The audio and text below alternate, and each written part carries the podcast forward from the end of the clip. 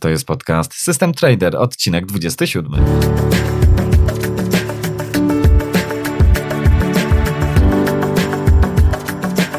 Interesujesz się inwestowaniem na rynkach kapitałowych?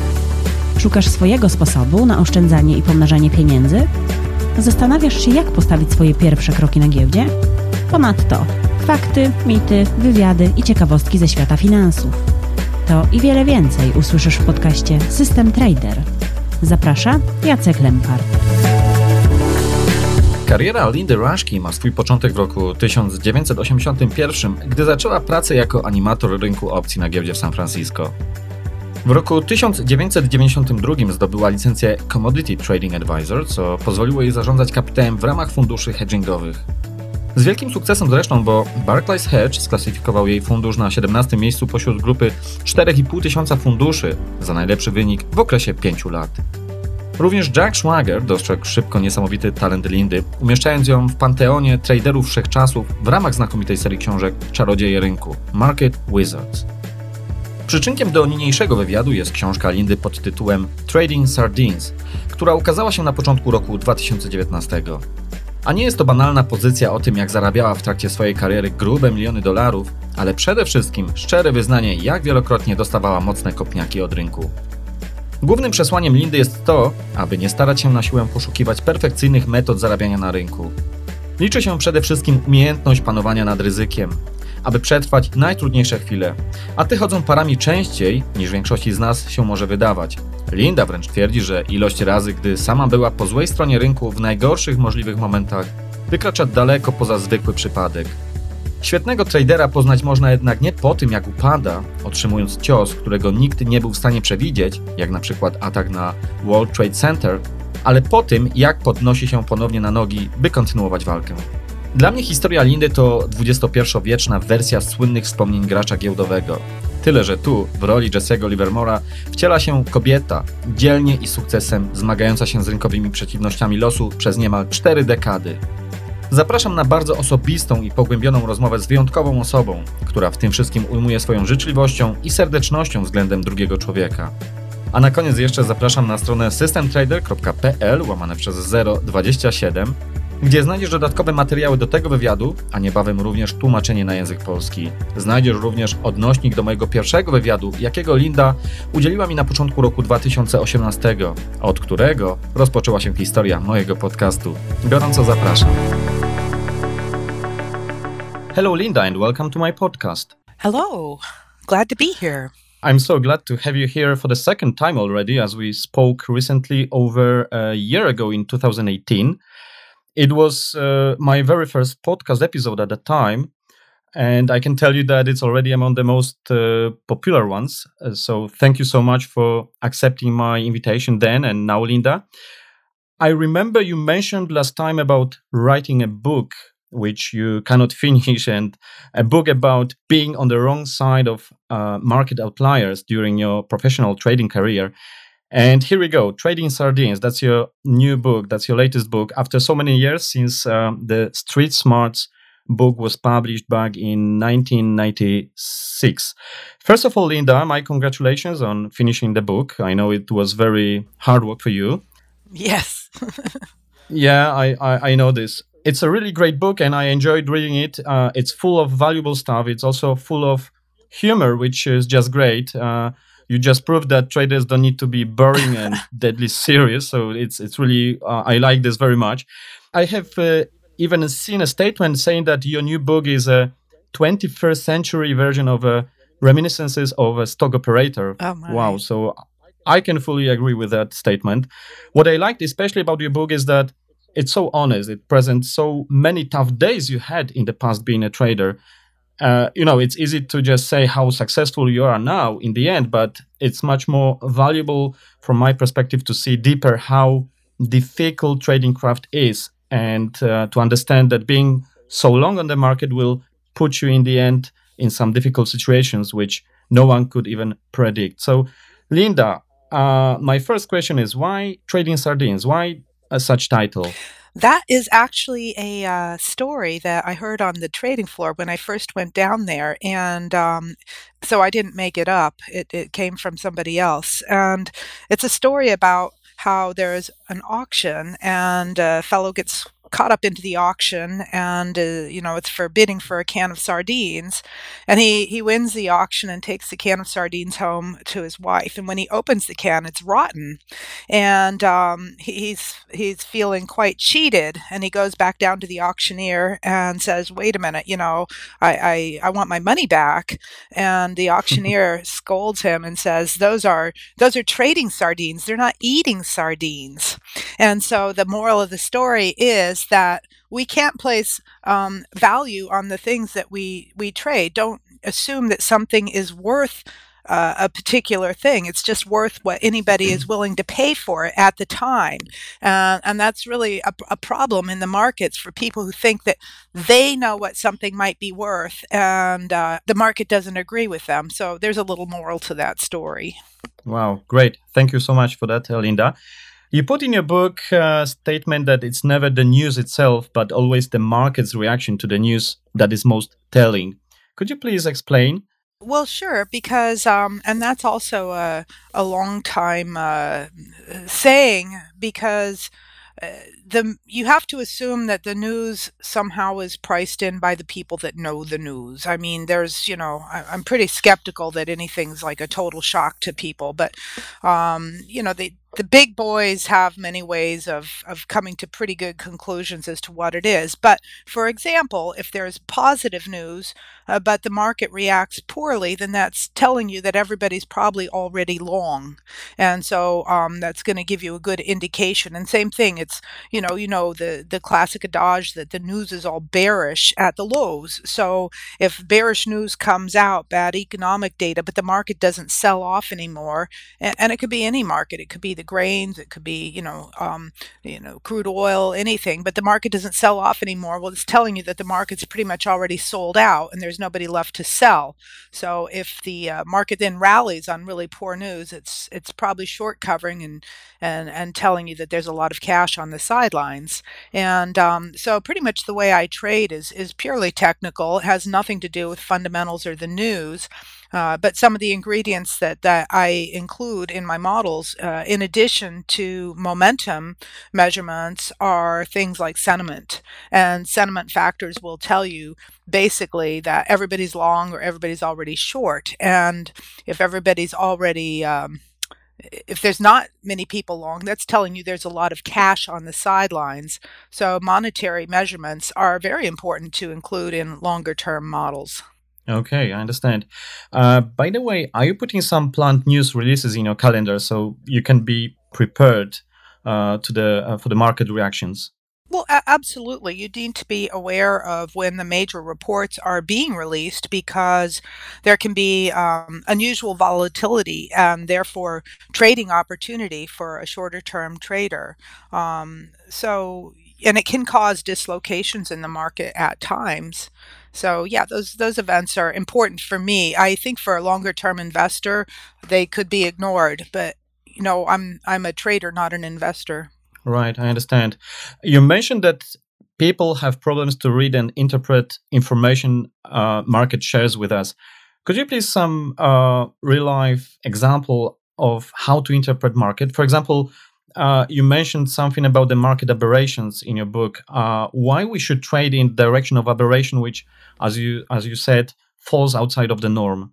Right. Well, as humans, you know, we feel comfortable with behavior that we know and uh, statistical ranges that kind of lead us uh, a little bit of security in terms of, uh, you know, when you're feeling uh, that, that something's of good value, you know, buy wholesale, sell retail.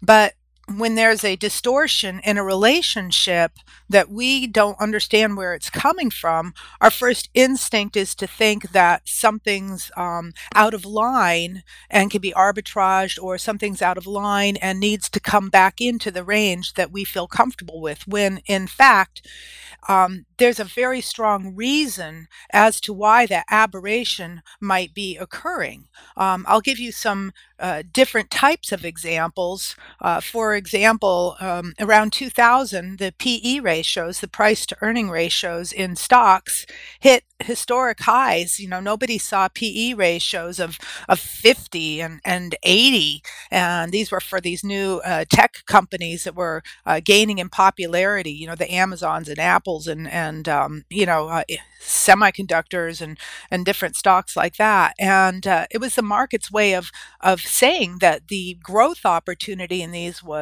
um, amazing. And instead, people looked at the PE ratios and thought, oh, the, you know, this price is too high for the stock. Um, and and uh, you know didn't believe that it was going up you know that high and of course you know they went like thousand times higher. So that that would be one example. Uh, another example could be when historic bond yields actually when the yield curve started to invert, or um, the very first time in my career that I saw 30 year yields in the US drop below 4%. And your first instinct is to think, oh my gosh, you know, these yields are way too low. They can't stay down at these levels, you know, because we've been trading in, in a range of, you know, 7 to 4% for the last goodness knows how many years. Uh, but instead, they dropped below 4%. They actually went below 3% and stayed there for quite a number of years. So these changes in relationships are um, really the market's way of saying there's there's definitely a distinct regime change, if you will, and and they can't be ignored. I understand. Okay, thank you. So we can say that the market is never too high to buy or uh, not too low to sell. Well, that's yeah another kinda... way of looking at it for sure. but you know, the right. other important thing is that when you have the aberrations and it is potentially a regime change that will affect your modeling. For example, um, for many years, uh, that there was an interest rate component that people often included in their models, and uh, that became a moot piece of data. You know, for longer term uh, timing models. Um, because of the Fed's interaction and uh, distortions in the marketplace. Um, so, I mean, I remember the first two decades that I was trading, all through the 80s and all through the 90s, the bonds and the uh, S&P, the stock index futures, were about 95% positively correlated because the driving concern at that time was that we were in an inflationary environment. And so if the bonds would rally, the stock market would rally, and vice versa. And then that um, relationship completely inverted after 2000, and there was more of a deflationary psychology out there. And uh, to this day, I think that the bonds and the index futures tend to be more inversely correlated. And for a period there, they were 95% inversely correlated. So that was a radical change in a relationship. And um, you know, you just need to uh, recognize that the market is telling you something there. Okay, thank you for that. You said in your book that as a trader, your knack for being on the wrong side of outliers is well beyond the random. Why rare events, black swans, or however we call it, are happening more often than we may think? Uh, could you please tell us a bit about your experiences here? After all, after so many years, you managed to produce an extraordinary track record, although you had so many uh, obstacles on the way. Uh, could you please just uh, tell a bit more about these rare events and black swans? Absolutely. Uh, you know, it, it felt like it was beyond random, put it that way, because, you know, for example, um, I tell stories in the book when I had put on my largest hog position two days, you know, before the outbreak of swine flu, which of course in the US then that meant that the market went down limit for a couple days after that broke and I couldn't get out of the market. That that you know, and I hadn't traded the hogs for six months. So why did that happen then? Or the first time that I put on my largest uh, short position in the S and P's and the Russell, I was like, I think I was short 600 S&Ps and 600 Russell futures and I put them on the Friday afternoon in the last hour before the Fed came out and said that they were taking over Fannie Mae and Freddie Mac during our financial crisis and dislocation. And of course, then the S&Ps gapped up 40 points that Sunday night. So you start to look at a cumulative timeline of how many times these random things happen, you know, from the World Trade Center to Chicago floods. And it, it certainly seemed like um, I had a lot of adverse gaps against my positions without a corresponding number of positive gaps in the in the position. You would think right. that there would be an equal amount of positive big wins, but there never really were. So in the big scheme of things, if I put it in the context of I probably had made 20,000 trades, you know, over my career and perhaps 12 of them were absolutely horrifying, you know, with having adverse um, event risk against me. Um, it just, maybe it's not significant in terms of the frequency of occurrence, but on the other hand, they do make a, an impression in your memory.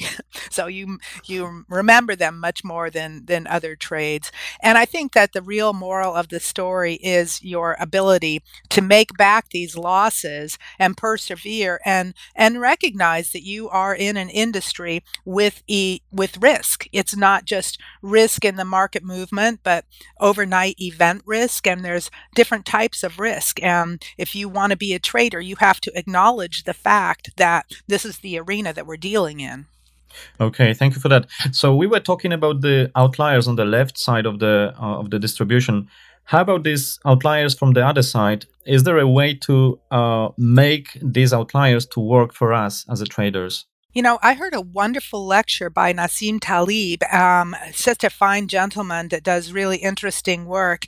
And he was talking about if you trade stocks or invest in stocks, that, for example, you would not want to be an investor in insurance stocks because of the tail risk there. But instead, if you wanted to put yourself in a position to capture the fat tails, you would instead invest in biotech or pharmaceuticals, um, the types of companies that just need to discover one drug and uh, they can have huge gains. So, conversely, when you're trading, um, for example, if you are trading breakout strategies or um, you know things where you're going long the the gamma and, and and delta, then you are putting yourself in a position of perhaps capturing a bigger win. Um, and as a systems trader, that would be something that would be one of your goals, as opposed to um, developing mean reversion systems, which also have a place in your trading portfolio. But um, you also have to recognize that it is strictly a numbers game. So if you're trading a breakout strategy, um, perhaps maybe one out of every 20 trades might lead to a, uh, a better than a three or four standard deviation move move and you know you would want to manage that appropriately. So your trade management strategies for capturing a, a fat tail would be along the lines of trailing a stop as opposed to uh, you know taking your profits after a specific target. Okay thank you linda for that. I would like to ask you about the sophisticated theories and modeling um, and uh, why there's such a difference between theory and academic world and reality. I paid attention to what you said uh, about, for example, quant traders who relying on math continually get killed because the system did not include all the information. For example, arbitrage, which in theory may be risk free, was able to kill traders, uh, even very, even the the Nobel Prize um, winners. So could you please elaborate a bit more on that problem? We like to assume that you know we, we feel more comfortable when things behave in a linear fashion um, you know straight algebra you know that's why you know engineers yourself scientists right. we like to put be yeah. able to put things into a, a model you know and solve for that model and um, obviously it's it's well known that systems with incomplete information uh, are dynamic and therefore nonlinear and we can just hit these pockets of uh, freak um, price movement that doesn't you know correspond with the way that our models would um, want them to. I i see you mentioned catastrophe theory in one of your your questions and that was something i encountered very early on in uh, reading about um, different types of systems that the market is uh, does follow this concept of catastrophe theory at certain points and that's where we're in one type of state um, and the market very quickly shifts to a different type of state. Um, it's a very uh, it's a dislocation and it's very difficult to model and it has no predictive value. That's a, that's another thing that people like to think that they can do with their systems is um, have some type of predictive value and uh, it, you can't do that. You just have to recognize that is truly like a big giant actuarial table you know a, a true numbers game. So I, I think as long as you understand you know that you are not dealing with a, a linear system, um, some of the more successful modeling nowadays takes a very um, Bayesian approach of one new data point, then you feed that into your model, and then the next data point is going to adjust your model correspondingly as new information comes in. Because when you develop a system or a pure linear model, it's just taking one slice, you know, one slice of the core there, and then you're trying to project off of that. And so um, I, I'm not so sure that the um, artificial intelligence models out there um, adjust correspondingly every data point going forward, but they also can can capture things in a a different um, way in terms of looking at patterns. So I think as long as you're aware that this is where the Achilles heel is going to be in certain systems, um, eh, then you can account for that in other uh, ways. For example, having two counter opposing systems um, trading simultaneously, you know, to um, take into account the the holes in in the one system. If that makes sense. Um, you know, it's it's so many analogies um, with the trading. You know, uh, uh, in terms of playing poker, right? So right. Uh, you know, you just you can have five of the top poker players in the world playing. All of them know the math. All of them know equally, you know, the, the numbers and statistics. But how are you going to determine which of those five top poker players are going to come out the winner? You can't because then it really becomes more of a uh, a, a, thing of chance, you know, who really did get lucky that time and and not make any errors. And so you think about we've got a lot of top, very smart firms out there, all competing in the marketplace, all with a zillion PhDs, all with their artificial intelligence, all with, you know, uh, thousands of servers grinding away. And when you start pitting them against each other, which is essentially um, an oversimplified uh, way of looking at what's happening, but I mean, how then can you? Project that there's going to be some you know linear type of outcome that you can solve for. I mean erratic things will happen and uh, the noise level will ever increase. I mean, that's why I love the work of Perry Kaufman, who you interviewed, you know, previously, because he was the first, in my opinion, to really comment on the tendency of the markets to increase in their noise level, you know, with uh, more market participants coming in. And that's a hard thing to uh, account for in our in our models is this huge noise level. Okay, thank you for that. Very interesting. How do you then prepare yourself for events which you cannot model as you don't know them yet? Uh, you mentioned, for example, in your book about two major hurricanes within three weeks, uh, which hit uh, your house in Florida back in 2004. The problem you pointed out is that although we have uh, very powerful computers, we have, uh, you know, uh, we we we still cannot uh, get a hurricane's path right for the next um, 48 even 24 hours. But still people on the other hand uh, do believe uh, that they can do better in the financial markets. How do you then prepare yourself for events which you really cannot model as you don't know them uh, yet and, and they cannot be just modeled well, you do have to understand that human nature is one of our cognitive biases is that we are overly optimistic.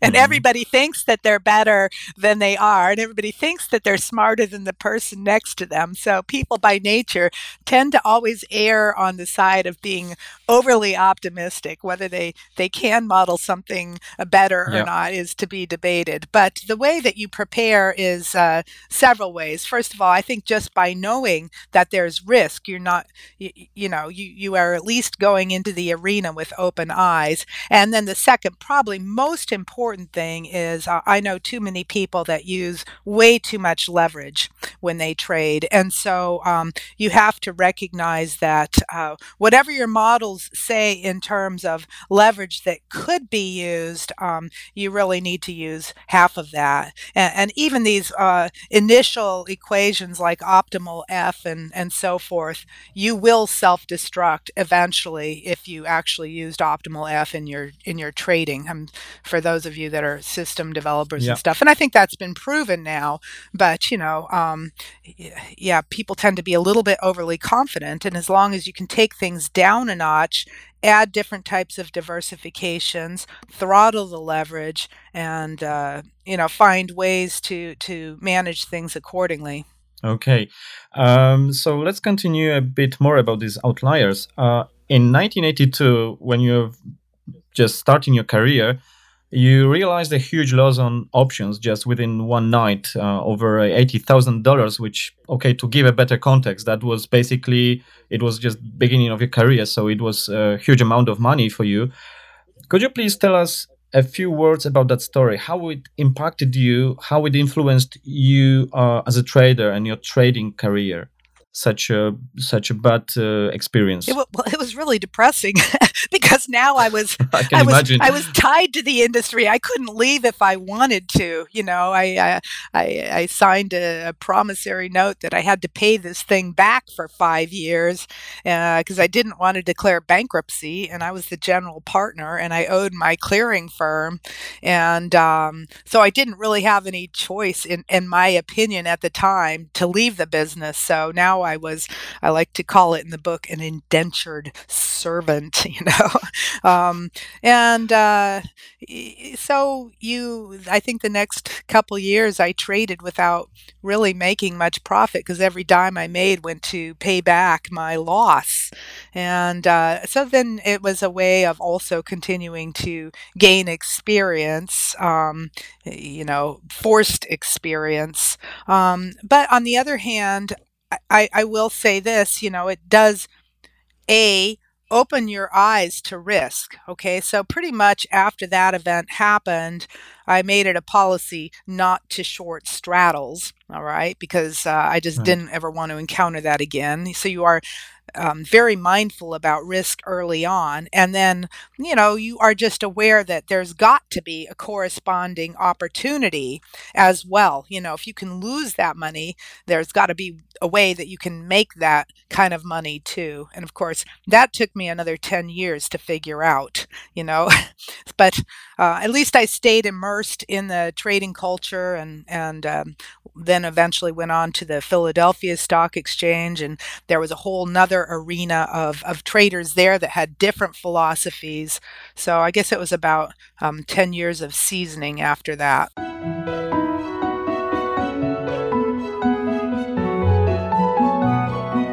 You already mentioned about that um, uh, issue you had on S&P 500 contract in uh, September 2008 about the uh, Freddie Mac and Fannie Mae. Uh, but I wanted to ask you how to put things in a manageable framework in the case of being on such a massive losing position. And as far as I remember, that was like four million, few millions of dollars just within in a couple of hours. So how to still be uh, conscient what you do and to how to recover from it. Yeah, how to recover from it. Um, you know, you you can't look out when you have a substantial loss like that. You can't look out too far on your time horizon because it'll seem unmanageable. So you really have to just focus on go in the next day and perform, go in the next day and perform, go in the next day and do your best job because it, after experiencing a big loss, if you think, oh my gosh, you know, I just lost $100,000, how am I going to make that back? I was so stupid. I shouldn't have done that. Um, you know, you have to say, my job is to follow my program and follow my, um, you know my business plan and if i do that then i know that i have this type of positive expectation and it'll take me 30 days to make back that loss you know if i don't have any unforced errors. So when you put it in that type of framework um, you just go in and do your job the next day and just go in and do your job the next day and the real problem is if you're not a 100% systematic trader, you have to have the mental fortitude to um, not be so stressed out that you can't perform. And I think that it's it's well documented that you do build up um, less react you're less reactive and less emotional in the markets the longer you are in the markets. So that's what i mean by having a thick skin. For example a newer trader you know your heart might start pounding when you first you know um, make a trade or increase your size. You might get a little adrenaline rush um, but over time you start to get desensitized to all these things. And um, so then that allows you to progress and and some people i think by nature are more emotional than others. Maybe they are not going to make good traders. I do know that you know people that are adept at game theory such as poker or have you know um, excelled in sports um, tend to be fairly um, mathematically inclined and linear and, and less emotional and uh, and that's important for trading. You you need to have a calm even temperament and then that allows you to to continue um, because if you're so stressed out at a bad event then you can't trade uh, trade with a clear head and if you can't trade you can't make back the money. Right Right. Okay, thank you for that. So let's move on the other side of outliers and to be a bit positive because there are also bright sides of trading. And you mentioned in your book also about uh, the case when you made a huge amount of money during one day. Uh, and uh, I don't remember, it was like a million of dollars just in, in a single day. And then when you were returning uh, back home, I just uh, resembled uh, a Pink Floyd song. Like there was a, the grass was greener, the light was brighter. Could you share with us how to cope with the other side of the emotional spectrum when we are on the very, you know, we have a huge winning position, for example? Well, you know, it's also pretty well documented that many traders will start to lose money after a huge win because it can be destabilizing in a different way. On that particular experience, I was just commenting on on the endorphins that I felt, and and it was just the most amazing feeling. It, you know, it it. Yeah. Uh, it really was. But uh, in in the book later, I talk about some analogies with um, poker and uh, also this concept of variance. Having uh, a large variance in your bottom line can work both ways. So um, if you have a large positive variance, a big win, you also it might be a good time to walk away and take a little break you know because sometimes when you have a big win it can also lead to overconfidence and, and that's another cognitive bias that will uh, nip people in the in the bud there I remember I had uh, uh, Bob Pardo on my interview as well, and he mentioned that after a big winner, uh, he decides uh, he decided once when he was running a, a, hedge fund to just you know take some money off the table uh, because he was expecting that uh, you know there will be a worse time just afterwards and and he was right but the behavior of people was just the opposite. They saw a very great year so they wanted to allocate more money. Ah. but that's a different story. Right. Um, do you think that trading on the floor gave you a better market feeling? Is this experience uh, you got there on the floor very helpful in the era of electronic trading. For example, the emotions they were very real among real people, and you even said in your book that uh, the word excuse me, fuck, was commonly oh, used oh, yes. in a million different contexts, a real lingua franca, uh, franca, as you said. How about electronic trading? Can we have the same level of market understanding and feeling? Yes, you can, but in a different way. For example, around the market opening, I could see that people were more excited and more willing to pay a uh, excess price for certain options. Okay, so we see that um, on our screen, but we don't have the feeling from the noise level or, or those types of things. On the other hand, there's a wealth of of data that we have now from the electronic screens that you wouldn't have on the floor.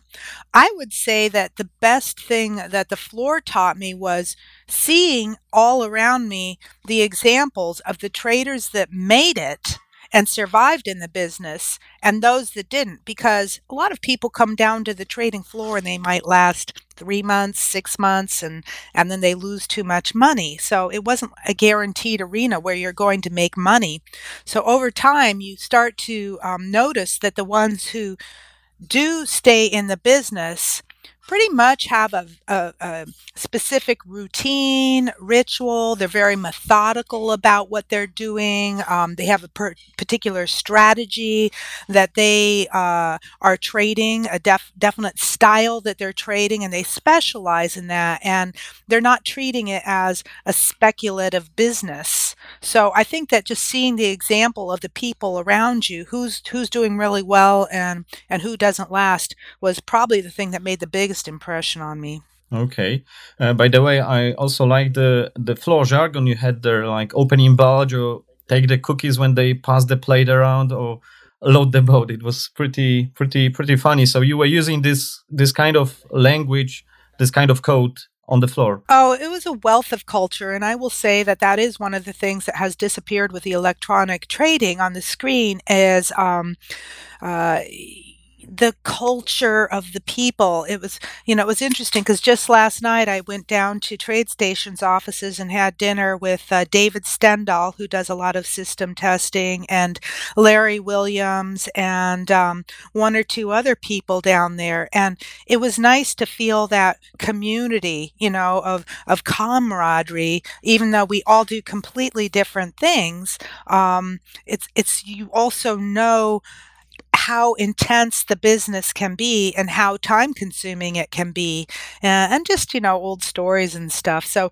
i think a little bit of that has disappeared with the electronic screens and i don't think that twitter is the appropriate medium to fill its place um, what i do think works for people is perhaps if they find one or two trading buddies and perhaps you have skype going if you're a discretionary trader and sitting in front of the screen. I think it's um, not a bad idea to uh, get feedback on ideas from other people. I still think it's important for everybody to do their own thing.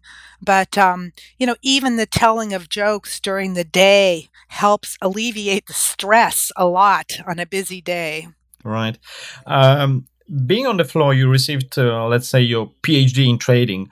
And you said that if someone survived, I mean, you said that in the book, for at least three years on the floor, there was a pretty good chance that he or she will be a good trader. Is there any common denominator of those who survived and are good traders? can you? Well, let me say.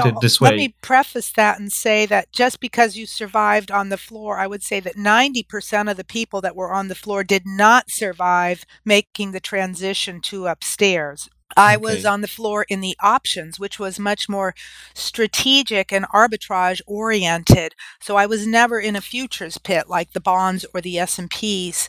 Um, those are the people that I think had a very tough time making the transition to the screens because they were trading more off verbal cues from the brokers and the order flow that came into the pits. Um, I would say in general, though, people that are successful in any discipline, be it uh, tennis, golf, uh, you know, music, um, you know, tend to um, work very, very, very hard. Um, and they put in an incredible amount of hours. I mean, you could look at golfers and tennis players how how they'll go out there and, and practice for six hours a day. I mean, same thing with the pianist, same thing with many things. So the number of hours I think would surprise people, you know, that we put into um, uh, you know devote ourselves um, and also uh, every discipline you have to experience failure over and over and over. And you'll see that. I'm sure that, that, many of the professional traders that you've interviewed can tell you stories of, of, of failing, you know, in the first couple years and having to pick themselves up again and, and then, yeah. you know, learn having another learning experience. So it's, it's not like you just start off and become a professional trader and, and, uh, you know, uh, make money steadily. It's, you know, even I've been trading now for 39 years, and I still have challenging periods where I'm just not on top of the market. So it's just part of the game. Right, I understand. Thank you for that. How to develop and keep confidence? Uh, because it's very important part of the trading to be confident in what we do. But on the other hand, how to be uh, not too confident, not to be overconfident.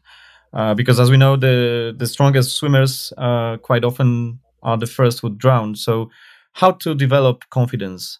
Well, for me, I can just speak for myself. Um, I think that the amount of hours that I have done in modeling and testing helps build up my confidence level for starters. You know, feeling um, like I have a viable framework and structure that I trade around. I feel like I have a concrete methodology that's workable for me at least and that gives me confidence and then the second thing would be experience definitely helps but probably the most important thing in terms of developing confidence is the preparation you know the preparation uh, that goes uh, into everything beforehand. And uh, that's what if i haven't had time to do my homework appropriately or spend time at night writing out my business plan and really studying things i'm not very confident the next day. In fact there's probably much greater odds that i will lose money. So i would just say that the preparation really is key. Right i understand. You put also in your book uh, the statement like correct mistakes immediately. And you said even that it saved you literally millions of dollars.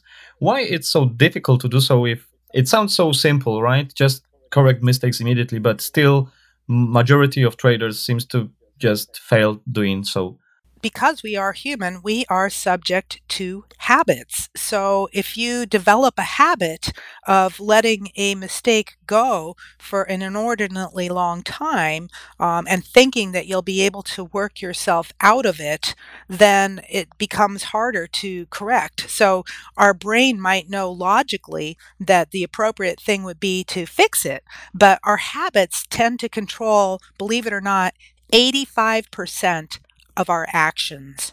So it's a difficult thing to break a habit. It can be done. I love the book that Charles Duhigg wrote on habits. Um, if you just Googled his name, Charles Duhigg, wonderful okay. book. And it's very enlightening, you know, to um, you think that you're in control, but your habits are really controlling you. So it, it just, you know, you just have to do it. Like if you recognize that you make a mistake, to say, I'm just this once, just this once. I'm just going to get out. You know, and it may work out or it may not. You know, but once you correct it for the very first time, you're on your way to correcting it in a consistent manner. Okay, but once we develop the bad habits, then what? It's it's not that easy. We know if someone has a alcoholic problem, for example, actually he will live with this problem till the end of the life. So how to how to cope with this problem? You're right. I mean, I have a problem walking past the kitchen if there's a carrot cake out on the countertop. you know, my, my, bad habit, I'm not even going to recognize that I'm going for a piece of cake, but my body will go over there and do it. So, what they say is that you can never eliminate a bad habit. Never, never. And what the only solution is, is to replace it with something else. So, if you know there was bad food in the kitchen and uh, you know i had a temptation to go um, help myself. And by the way that's why i don't keep food in the, you know, bad foods in the house. But, you know, they might say, okay, instead of going over and reaching for the cake, get down on the floor and do five push ups, you know. So you have to replace the action with some mm. other action. So if you found yourself as a discretionary trader reaching for the mouse and instantly wanting to click, if you replace that habit with, okay, first I'm going to write down on a piece of paper the price that I see. It's just one simple action that interrupts that hand to mouse to click. Instead, now it's hand to pen, write down on the piece of paper. Then, if you really want to go ahead and click, go ahead. So um, it, it, it takes a little bit of organization, you know, and checklists to make sure that uh, you have an alternative routine. Oh, very interesting. Thank you for that, Linda. If you would have to teach someone how to trade the way you do it now, um, let's say to clone yourself, do you think it's possible to do it? Uh, if so, how long you think someone would have to spend time on, on, on doing on doing this, on learning what you do now? I can teach my models basically in a week. I can teach everybody exactly um, my decision making process. I have a a worksheet that I fill out each night. And over the years, I have had assistants and interns work for me, and I can get them to the point where within just a few weeks, they will put down exactly the same comments that I will. So I know that my work is replicable and um, most most of most of my work's pretty simple so people can get it pretty quickly what i what i can't teach is what you gain in experience from watching the tape, from watching the price. I can tell people what to look for. And, um, you know, but there's also a lot of filtering going on. Uh, a very simple example might be I could look for perhaps a momentum divergence to indicate that it's the end of a swing up or down. However, if there's still um, a lot of momentum on the higher time frame, um, that momentum divergence is not going to lead to any type of you know regression to the mean uh, type of target. It's probably going to get run over. And so learning to process the information is really what takes the longest period of time much longer than people uh, recognize. I mean i could teach everybody everything i know within one week but then they're going to need to observe for probably two or three years before they could process information in the same way that I could. Okay, I understand. Uh, so, when you look at your learning curve towards being a very good trader, do you think that you could grow without, for example, reading books or learning some theories or uh, and so on by simply focusing only on practical exercise on uh, finding your own way on just studying the markets only so without any external influences. Do you think that that would be even possible Absolutely. I think that's the best way. I really do. I think that um, if you were to print off charts at the end of every day of what the significant turning points look like and start to collect in a binder of what the chart formations look like that led to bigger swings up or bigger swings down. I mean, it could be on a five minute chart, an hourly chart, or a daily chart. And you, you start collecting these examples. And after you had 50 different examples, and you had done that by yourself. And then you made an equal study of all the times that it didn't work and you really start to do um, deductive logic there. Um, i think that by far that's better than spending your time paying for you know any courses or things like that. Now on the other hand there's something to be said as well for reading as much as possible seeing everything that's out there because one idea might strike a chord with you. I mean, it could be um, a trend following type of idea, or it could be a very short term um, little arbitrage opportunity. There's, there's so many different ideas out there. And that's truly what takes longer than people recognize is finding the style that works for you. You know, you might not want to sit in front of the screens glued, you know, uh, to, to the, uh, to the desk. Um, perhaps you you might want to uh, pursue seasonal spread trading you know, where you could put on a position and sit with it for a, a week or three weeks and run a portfolio of seasonal spreads. So there's so many different um, areas that you can specialize in this game. Okay, thank you.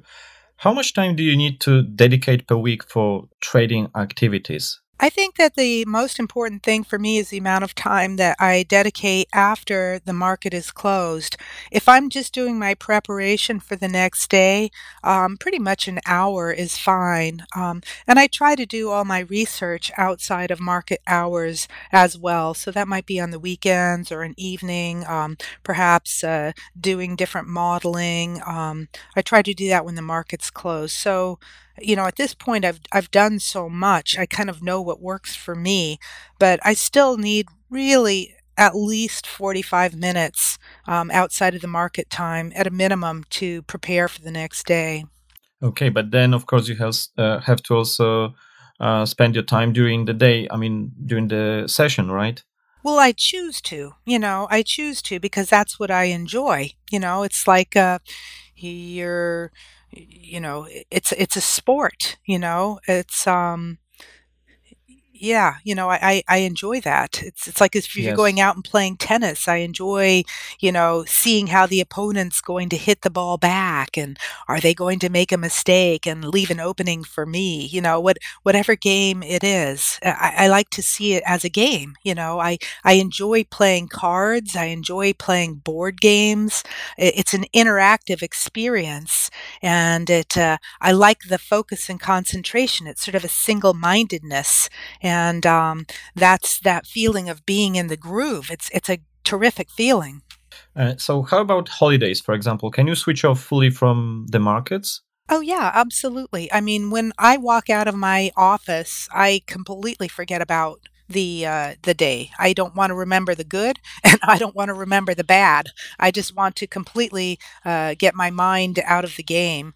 Um, so, for sure but then if you miss some very good uh, moves on the on the market are you then uh, i don't know how you feel about this? Because you know if you're algorithmic trader and if you are automated then this particular problem maybe it's a bit easier to be solved because because you have these algorithms and they make work for you and you don't have to spend maybe so much time for them. But if you are still discretionary then and then you go, for example, on holiday, and then you lose a very great move. Uh, what then? No, you I mean, can't think that way. That would drive you crazy. I've I've missed thousands of moves. I can't even right. tell you how many moves I've missed in so many markets. You have to look at it like this: the market is abundant with with opportunity, and it's offering us every week, every month, you know, hundreds of opportunities, and all I have to do is capture two or three of them.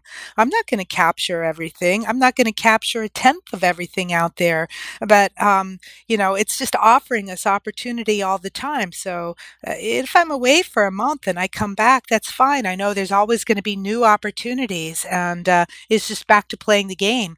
You know, you could not play chess 24 seven. You know, seven days a week. Yeah. You go crazy.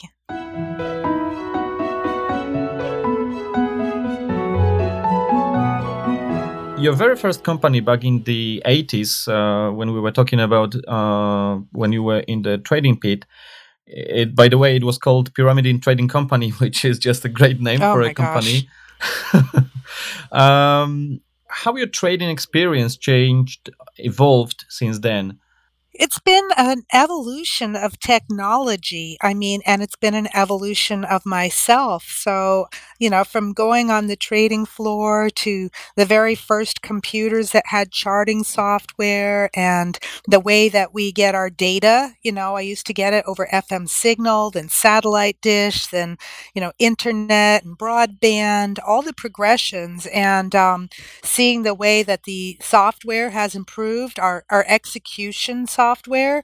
I mean, initially there was such degree of latency, you know, when we were first coming out with the electronic trading platforms and and now I mean everything's down to microseconds. It's it's crazy. So, um just the wealth of, of information that we have available to us and um, So there's been the evolution of technology, also the evolution of markets. I've seen some types of markets fall by the wayside that just didn't make it as a viable product.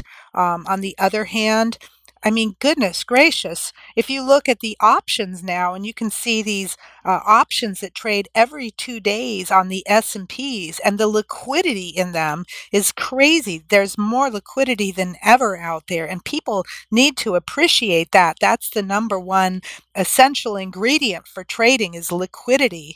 So I think it's a real blessing just the crazy amount of liquidity that we have nowadays. And then the evolution with oneself, you know, of times that I tried doing too much and uh, pushed myself out of balance and suffered the consequences, health com- consequences from that. And then, you know, dialing it down a pace right now. I don't, I, I retired as a CTA and a CPO, and uh, I don't do hedge funds anymore. It was a fabulous run when I did, but it really was a very consuming lifestyle. And now uh, I just trade for myself every day in front of the screens and I enjoy it. And if I want to leave early in the afternoon to go ride my horses, I can do that. So it's a more appropriate pace for where I am right now. Right. Okay. Thank you for that.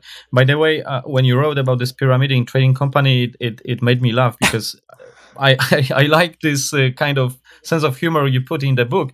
But also, then I I uh, I thought that we had the case uh, as my country of origin is Poland, and uh, when the communism collapsed, and you know the, the the stock exchange was opened again, it was like 25 years ago, and one of the first brokerage companies was called uh, in English fart which literally in Polish means uh, luck. But oh. the, the guy who who just found out that name, he didn't uh, know English probably, and he just put it just.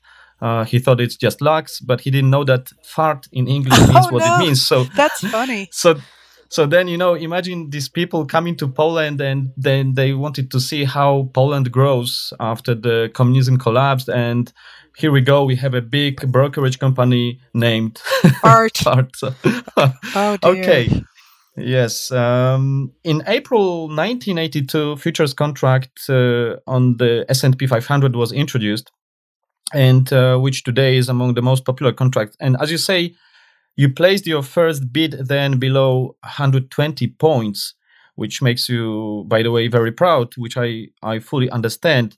I wanted to ask you, how do you see the market changes in the, uh, in the context of this particular contract after 37 years now. Yeah, the um well, originally it was $500 a point and uh, you know the trading the range yeah. then was like 200 300 400 um, and it also traded in nickels so they've split the size of the contract they then went to the e-minis which were five um, electronic contracts for what would be one big contract and of course right. the average range is so much greater these days. You know, I can remember periods in the past where the average daily range for the S&Ps was like a point, you know, as, as funny as that sounds.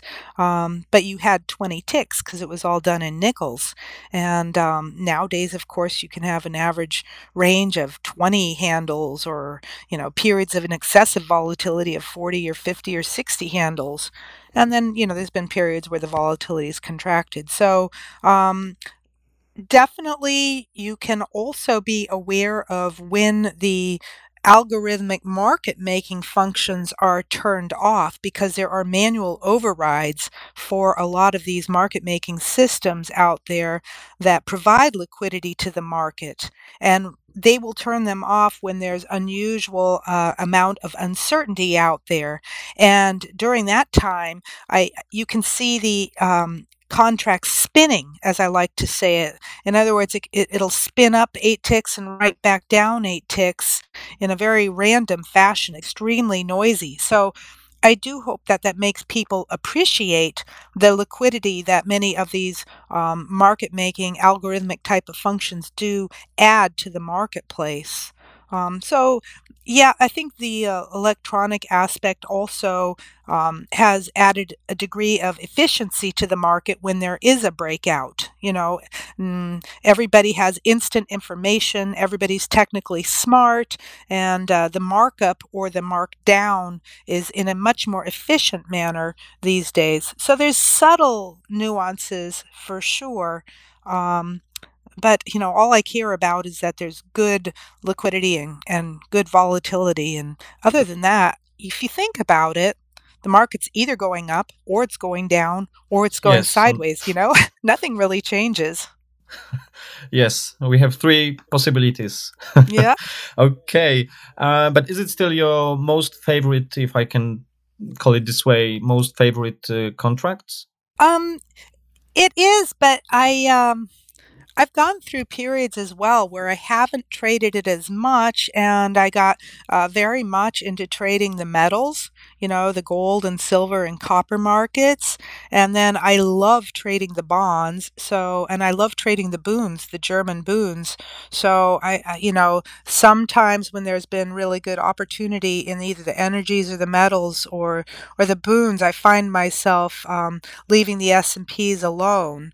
Uh, it, it it depends on the volatility. If there's good volatility, like we had good volatility the last couple days, I mean, it's a wonderful market to trade because it reads very well. You know, there's so much opportunity and um, different types of information available to us in terms of the market internals that we don't have with some of these other markets.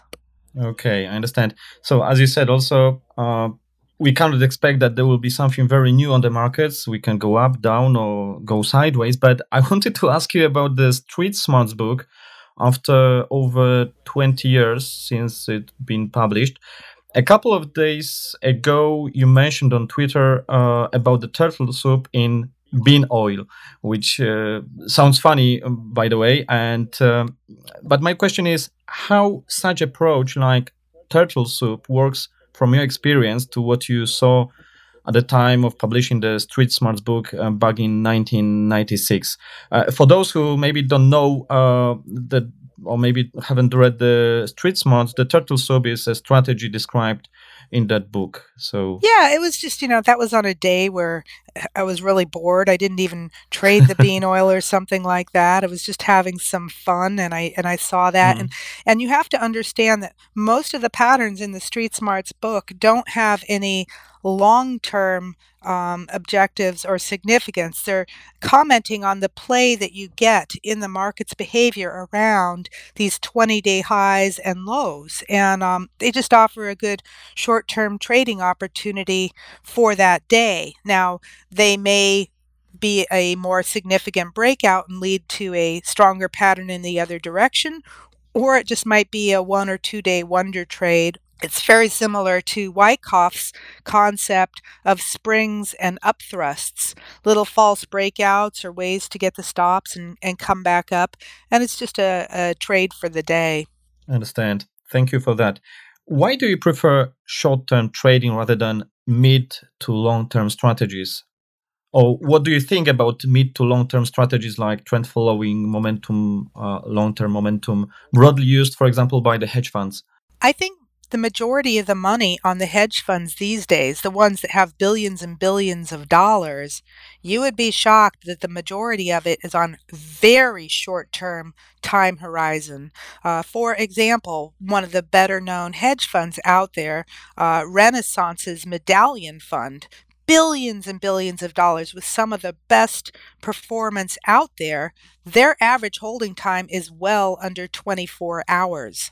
Same thing with Toby Crabel. Same thing with a lot of these firms uh, that just are little algo machines. They do not have a long holding time. And if you look at the performance record of the trend followers over, say, for example, the last five years, it's been horrible. Trend following is dead, in my opinion. And the reason is that the noise level in the markets is just too great that the ranges are much broader. So by the time you do get a breakout, it could be later in the move. There's a lot more false breakouts. And uh, as a final kiss of death, the stop levels tend to be wider than ever. So I don't believe that trend following systems and CTAs have near the percentage of assets under management that they did 30 years ago. Um, in terms of why a shorter time horizon for me, um, in general, the higher the volatility level, the lower the time frame that you can trade on. And you always want to be trading at least one time frame above the noise. You don't want to be trading on a level, at least I don't, um, right. where there's noise. And so when there's good volatility, we can really take advantage of, uh, of a shorter time horizon. And then if I can get in and maybe have a holding time of one or two days and be out, um, my overnight risk is lower.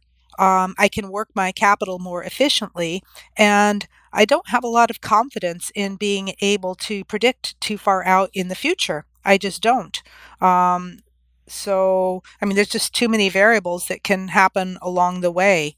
Uh, it just doesn't work for me. So I don't mind the shorter time frame. Okay, so it's very important to to uh, put our personality into trading. So we cannot uh, work with the strategy which is not working well with our personality as well. There are longer term. There are situations where we can put on longer term directional bets. Okay, for sure. Uh, in terms of market timing, when sentiment reaches an extreme, and and you've got some structures such as a weekly buy divergence, um, like we had at the beginning of the year, these lend themselves very well to holding period of one, two, three months.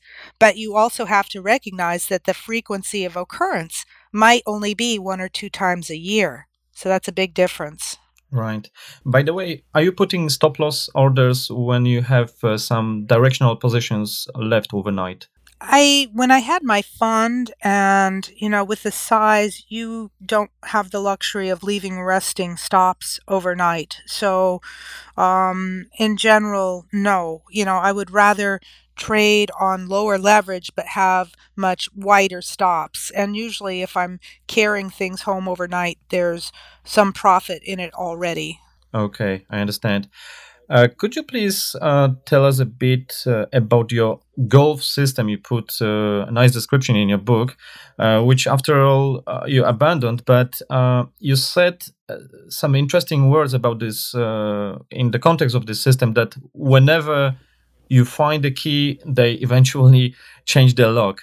But on the other hand, your models are, as you say, almost identical for more than 30 years' time. So, uh, how about the system and why you said that uh, whenever you find a key, someone eventually changes the lock? Yeah, absolutely. Um, there's a big difference, though, between models and systems. A model is um, it should be durable and robust, but it's not going to have specific entries and exits and trade management strategies. So, right. all of my modeling that I do is without the use of stops, but it tells me where the tendency is and the bias is, and that's why it holds up over time.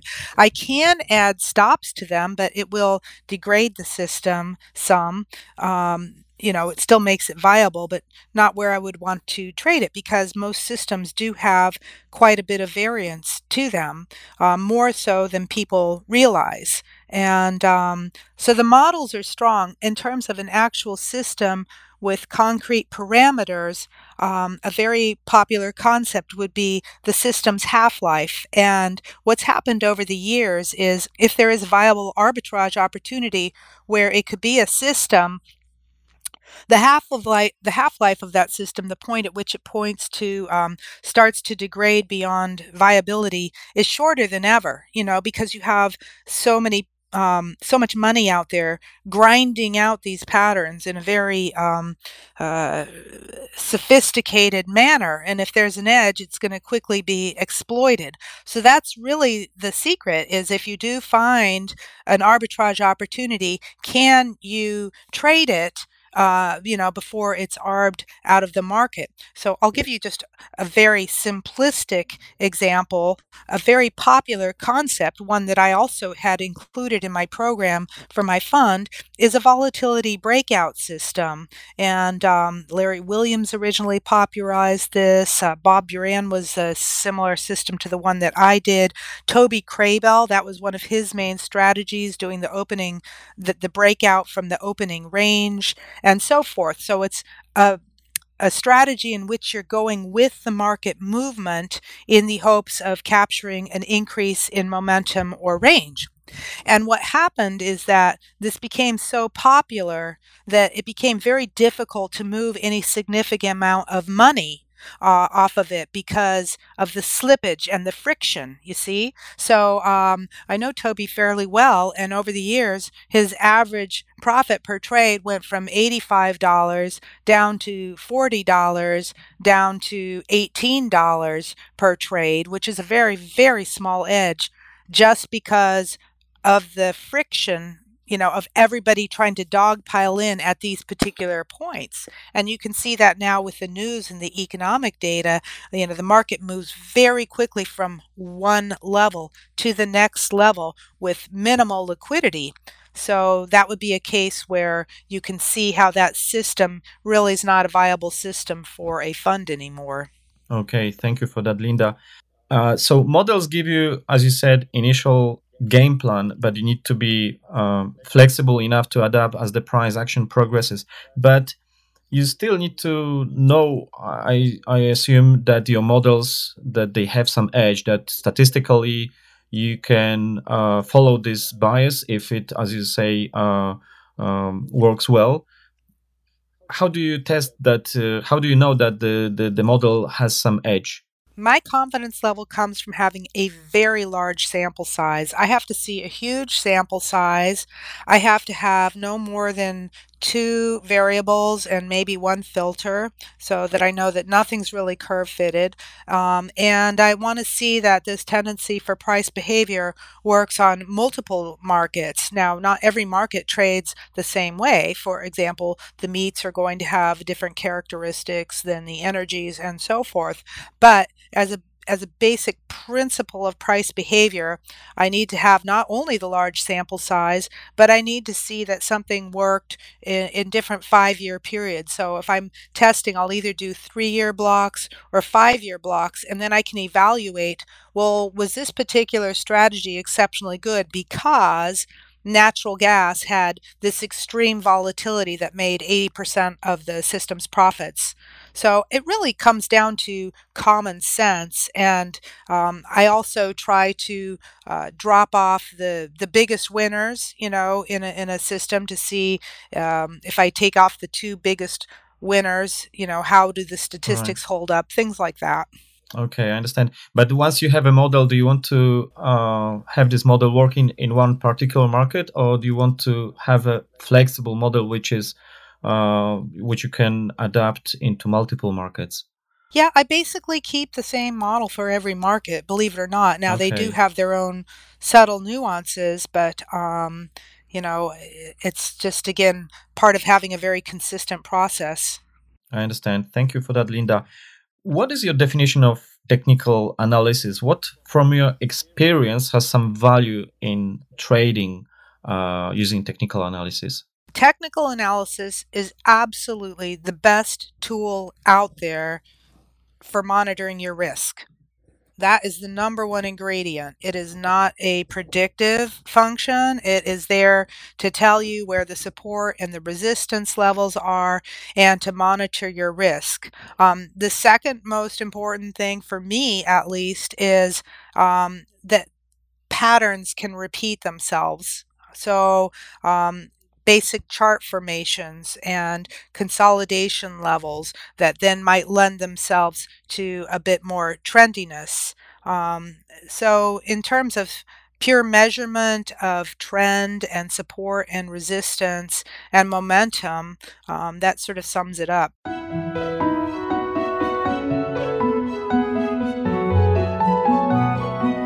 I have a question from one of my listeners, also in the context of technical analysis, and he asked me about uh, Fibonacci techniques and in to be specific about maybe you know Joe DiNapoli techniques. I don't know these techniques at all to be honest, but uh, he was just curious. What is your opinion on that? If you if you if you if you know these techniques, or if you maybe know Joe DiNapoli. Joe's a really good friend, and he's been in the business for many, many, many years, and. Um, Joe has a wonderful little trick looking for entry when you use a displaced moving average. It's a great tool to uh, perhaps then initiate a trade after you have a double top and, and it breaks through this uh, displaced moving average as a trigger. Now, Joe likes to use Fibonacci to develop pivot points. And, and here's my comment on Fibonacci and pivot points. First of all, there is nothing statistically significant about Fibonacci levels, and that has been proven time right. and time again. The big boys, Paul Tudor Jones doing studies, everybody, there's nothing statistically significant about it. So you can throw a bunch of lines up on your chart, measuring uh, and seeing if there's a cluster. And if you were to actually test, okay, if it comes within one of these lines or cluster of lines within, you know, one or two percent, it's it's not significant.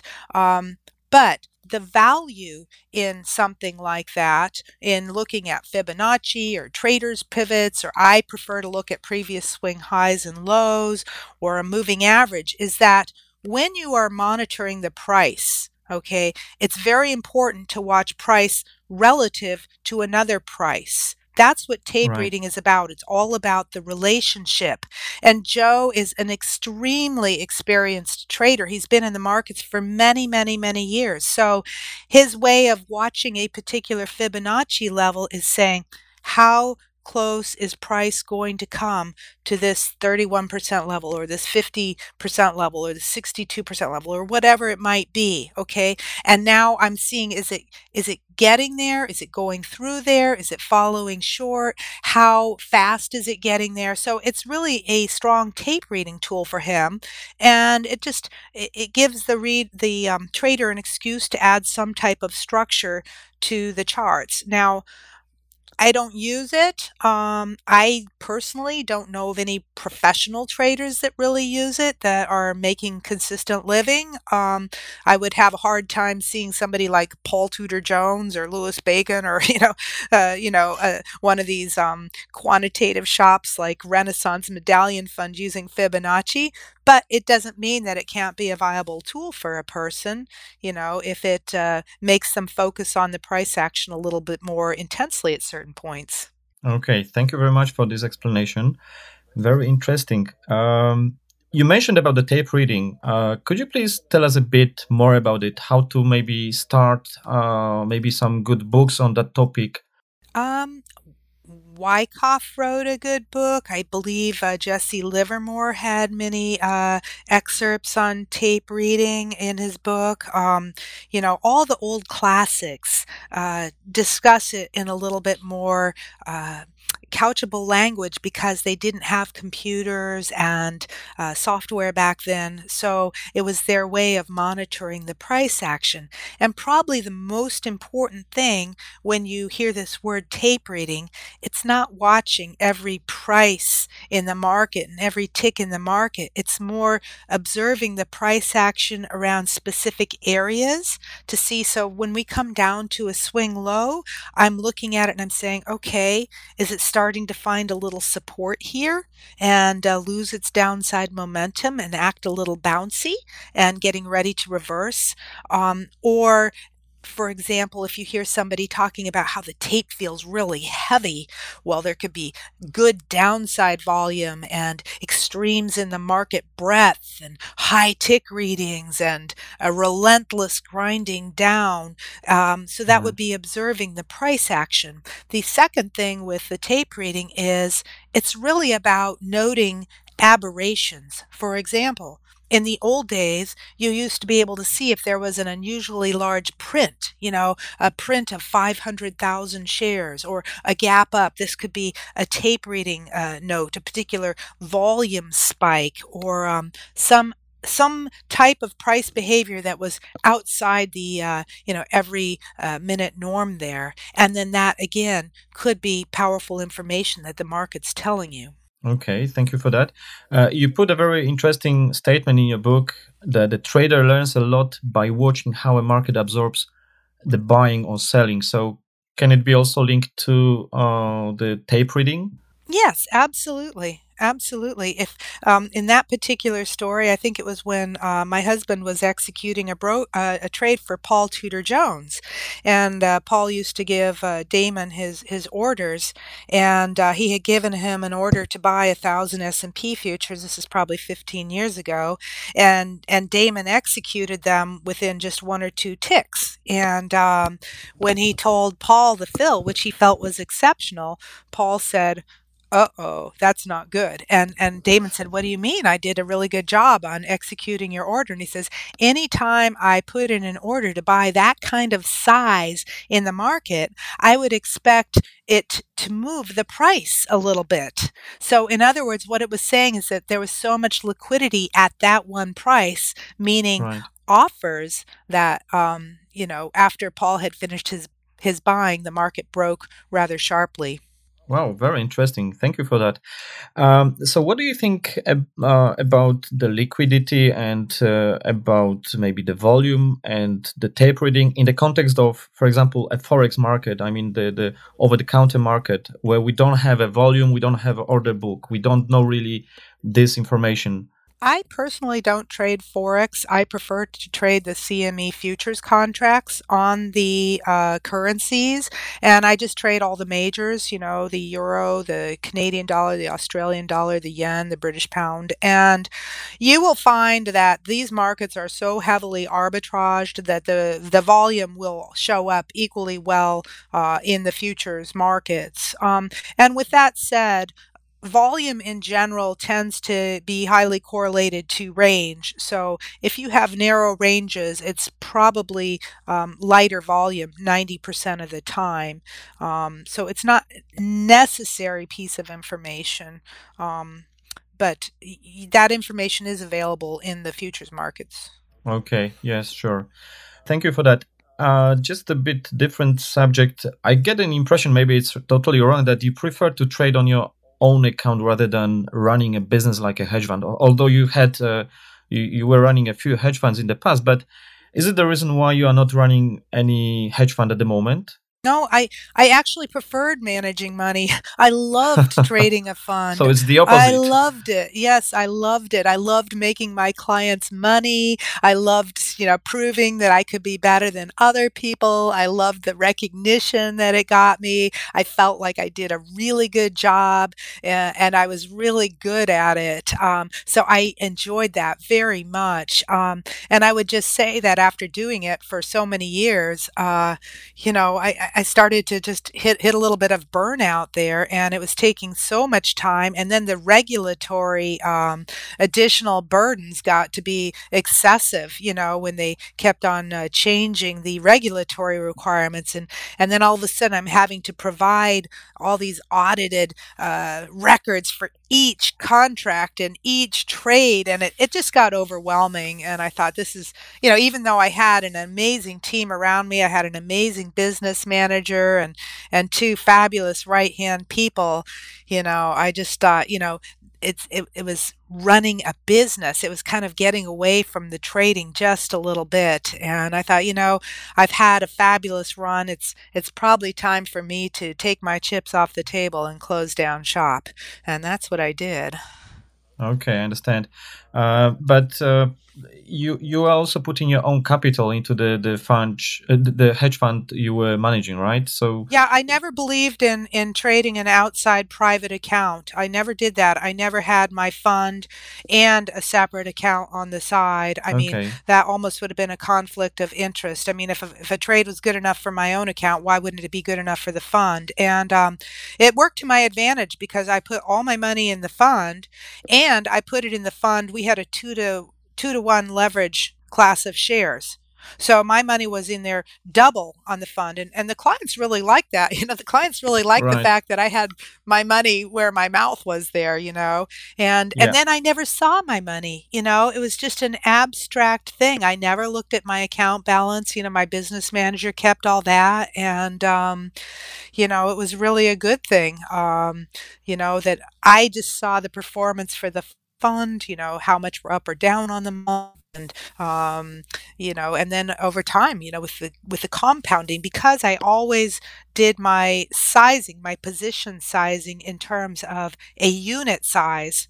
So if i'm doing x number of contracts for a million dollars than if I had $10 million or $100 million, you know, my unit size would increase 10 times or 100 times. So I'm never think I'm always working my money in a very proportionate manner. I understand. Thank you for that, Linda. Uh, you say that a good trader does not need validation. Uh, what really matters is that you can pay your bills. As a CTA, while you were managing others' people money, uh, running hedge funds, you mentioned uh, some terrific returns, like uh, seventy percent after fees in one year. On the other hand, you also, as far as I remember in your book, you mentioned that on your private capital, I mean, when you were not running a, a, a fund, you, you were able even to to get a result like 200, 300% per annum on your private private account. I know that you don't like putting things uh, this way, as it all depends how much capital we trade, how much we keep aside, right. what is our situation, right. do we have kids, mortgage, and so on and so on. But from your point of view, what is the realistic uh, realistic profit we can make uh, per year out of trading, short term trading? Again, you're back to that evil little, um, uh, you know, thing of statistics. You know, if you have a ten thousand dollar account and you make ten thousand dollars, you could say you made a hundred percent return, but you're not going yeah. to get that same return on a hundred million dollars. Um, I think that it is realistic for a trader with, say, $50,000. I wouldn't suggest trying to make a living with trading capital of less than $25,000 um, I think that you'll start to feel too much under the gun and you might not be able to trade well if you have a drawdown. I do think, put it this way if you could trade nothing but four e minis every week, okay, that's a pretty right. small amount of margin that you're using to trade four e mini contracts. And let's say that that's the only market that you're trading, I, I would say that there's absolutely no reason as to why, with concentration and consistency, you couldn't average 500 to $1000 a day okay? Of course you're going to have losing days and make mistakes but you might have a day where you catch a piece of a trend and you make $5000 you know? It's very possible in when in good volatility. So i do think it's very realistic to say that a consistent focused trader could do four e-mini contracts um, and make four or five thousand dollars a week, which really doesn't sound like much. Um, but you have to also allow for the fact that you're not going to be trading every week. You might take a couple weeks off. You know, you might have a bad week, um, and and so you could put it in a really realistic um, context. Now, how much money do you need in your account to do that? Um, some people might feel more comfortable with a bit of a cushion. You know, um, other people are just like, hey, let's go for it, you know. So it's really a personal thing. And of course, you know, you've got people that day trade stocks or position trade stocks and options. It, it, so it's you know it's possible. I think that you'll do best if you eliminate the distractions. You're not going to make a consistent living i feel when you're sitting there trying to follow people on twitter and and blogs and you know have the tv on in the background. I mean you really have to look at it like you are concentrating on that golf course trying to make that final putt on the 18th hole and nothing is going to rattle your concentration. You have to be that focused uh, and then anything's possible. Okay, thank you for that. Uh, by the way, regarding the distraction, you are very also skeptical about uh, of anyone who brags about the trades or profits. Um, to me, you are more like a poker player. You mentioned already about the poker, and uh, as far as I remember, your your your brother uh, is also uh, involved in poker, and, and you saw there some similarities between this between the poker and and trading. But why you are so skeptical about just being, you know. I saw it on the trading floor for years. I saw it with the people who were making money and the people who only lasted a short period of time. you know, that's all. I'm looking at all the examples I've seen over my life. And and the people that were making the most money, you'd never have any idea. They didn't talk about it, they didn't brag about it, you know. If anything, they would whine about their losers and, you know, whine about how right. they got, you know, a bad fill and things like that. Meanwhile, yeah. you know, they'd be making a couple hundred thousand dollars a year. I, I think that um, ego is a very destabilizing thing in the marketplace. And you'll find I, I'm very suspicious of, of things on Twitter because uh, I, I don't use it and I don't look it up, but I have looked at it uh, a couple times. Um, and I see. Um, I see people commenting about 90% of their winning trades and nobody ever says anything or revisits a losing trade. And I know the markets don't work that way, you know? So right. I think it, it boxes you in the corner, you know, to um, talk about your P&L or your trade because it's not going to be like that forever. If I have a, a particularly exceptional month and I make 10% for that month, I know I'm not going to be making 10% every month, you know. So to try and project out in the future, um, you know, would be a fallacy. Uh, and, and then that will actually destroy your confidence. It'll come back to haunt you that you can't maintain that uh, streak of wins or that level of consistency. So, I, I mean, I'm sure there's a few people out there that can get away with that, but you certainly don't see the big boys, you know, that have been in the business forever and ever talking about their returns or their performance or one big win. You, you certainly don't see that. right. Uh, Linda, how long you think uh, you will still trade? Uh, do you have any plans? Uh, do you think maybe that trading is also a good brain exercise, which helps you to be in good intellectual shape? Oh my gosh, you are so right. You are so right. I mean, there's something new and interesting happening every day. I'm always learning about stuff or reading up a, you know, some ticker tape that, you know, company that flashes across the tape and I'm like, "Wow, I've never heard of that company. What is this particular company?" and and I can look it up and see what they do and and learn about a whole different field. Um yeah, so I I do think it's any um any brain exercise, if, if it's music or writing or keeping yourself active mentally, you know, as we grow older is, is really important. Um, and it's, you know, I mean, for now, I like the game. I mean, there might be a period in the future where I want to travel a little bit or or do something else. But uh, I mean, it's what I know, you know, and I think people are happiest doing uh, what they know. And it's also your passion, so Oh, trust me, I have a love hate relationship with the markets like everybody else. I mean, there's days where I hate the market too, or maybe I hate the actions I did. but you always return uh, to, to them. It's a sick addiction. what can I say? I'm addicted. Yes. okay, um, we are reaching to the end. Uh, just a few final questions. What are your favorite books? Or maybe you have some favorite researchers, traders? I love all the work of these old timers, the original Wyckoff material, Schabacker. I mean, if you read any uh, of the authors from 60, 70, 80, even 100 years ago, because they right. saw things with a, a unique framework, you know, where they didn't have computers and they're, they're seeing the essence of the price or people's behaviors. And uh, there's just a, a certain wisdom that resonates from those writings that you don't really get in the dry technical uh, writings of, say, a, a, quant manual. It's a it's a different thing.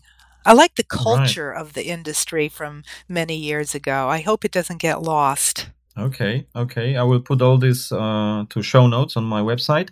Uh, are you, by the way, planning to write some books in the near future, maybe? oh, That's very funny because, you know, I've had six books outlined for over 15 years. literally, i I mean, I've had a book that I would like to rewrite the Taylor trading technique. I have an Okay. original trading manual that I wrote 20 years ago. I would love to do this. And so when I actually sat down to write, um, a completely different book popped out. I, it sort of surprised me what, what came out, and it wasn't anything that I had outlined um, from the past. Uh, I'll just have to say this: it's it's very difficult for me to write and trade at the same time. So if God made 40 hours in a day, I would absolutely um, uh, write more. But uh, may, you know, I'll see how this goes. Maybe there'll be a point on in the future where I want to take a little hiatus from from trading and and and write. But it's really hard for me to write. I'm I'm not a natural author, so we'll see. But your books are very, very good, and and people Because I had to work really hard at it. it didn't come easy. Uh, Linda, thank you so much for your time. It was a big honor for me to have you here today on my show. I appreciate uh, very much that you dedicated your free time during the weekend. Uh, just yesterday, I got an email from one of the postcard li- podcast uh, listeners who was asking um, how long he needs to wait for for this uh, interview. So people really like and appreciate what you have to say. Is there anything you would like to add to our conversation before we finish? Oh my goodness, you covered so many topics, you know. yes, I, I would just say that anybody that wants to buy my book right now, you're not going to find it on Amazon. You have to go to my website, lindaraschke.net. So, um, and and then uh, you know maybe one of these days I'll I'll convert it to a, an audiobook or an ebook or something. But uh, no, I just uh, I hope that I get to speak with you in the future, and I wish you the best in your own pursuits. Yeah, thank you very much. By the way, I was about to ask you about this uh, electronic version of, of your of your book uh, because I think that for some people who are living on the other side of the world, it could be maybe easier to to, to buy it and not to wait uh, longer, but uh, it's worth to wait. I will eventually, maybe a year from now. And Okay. I've had a lot of people say that if I could convert it to an audiobook, perhaps where I read the whole thing, That uh, would be that would be a worthwhile venture too. But uh, right now, I just need to to regroup and catch my breath, you know. It's- and I'm really proud of having a physical book. There's something nice. I mean, Yeah. my best books they're on the library and i can pull them down and feel the pages and maybe i just want to go back and read a certain chapter and, and i've got wonderful pictures and charts and you know i really made an effort to get the highest quality binding and the highest quality paper so it, to me it's a little bit like a, a work of art as well right now understand. so I understand, yes. But I encourage everyone to read your book. Uh, also, I will put uh, the show notes on my website, systemtrader.show slash 010. So uh, also lindaraschke.net. Uh, there are all the detail, details you need to know about uh, book, how to uh, get your own copy. Thank you very much, Linda, for your Thank time. you. It was a great pleasure and have a good day. thank you very much I'll, Thank you. bye bye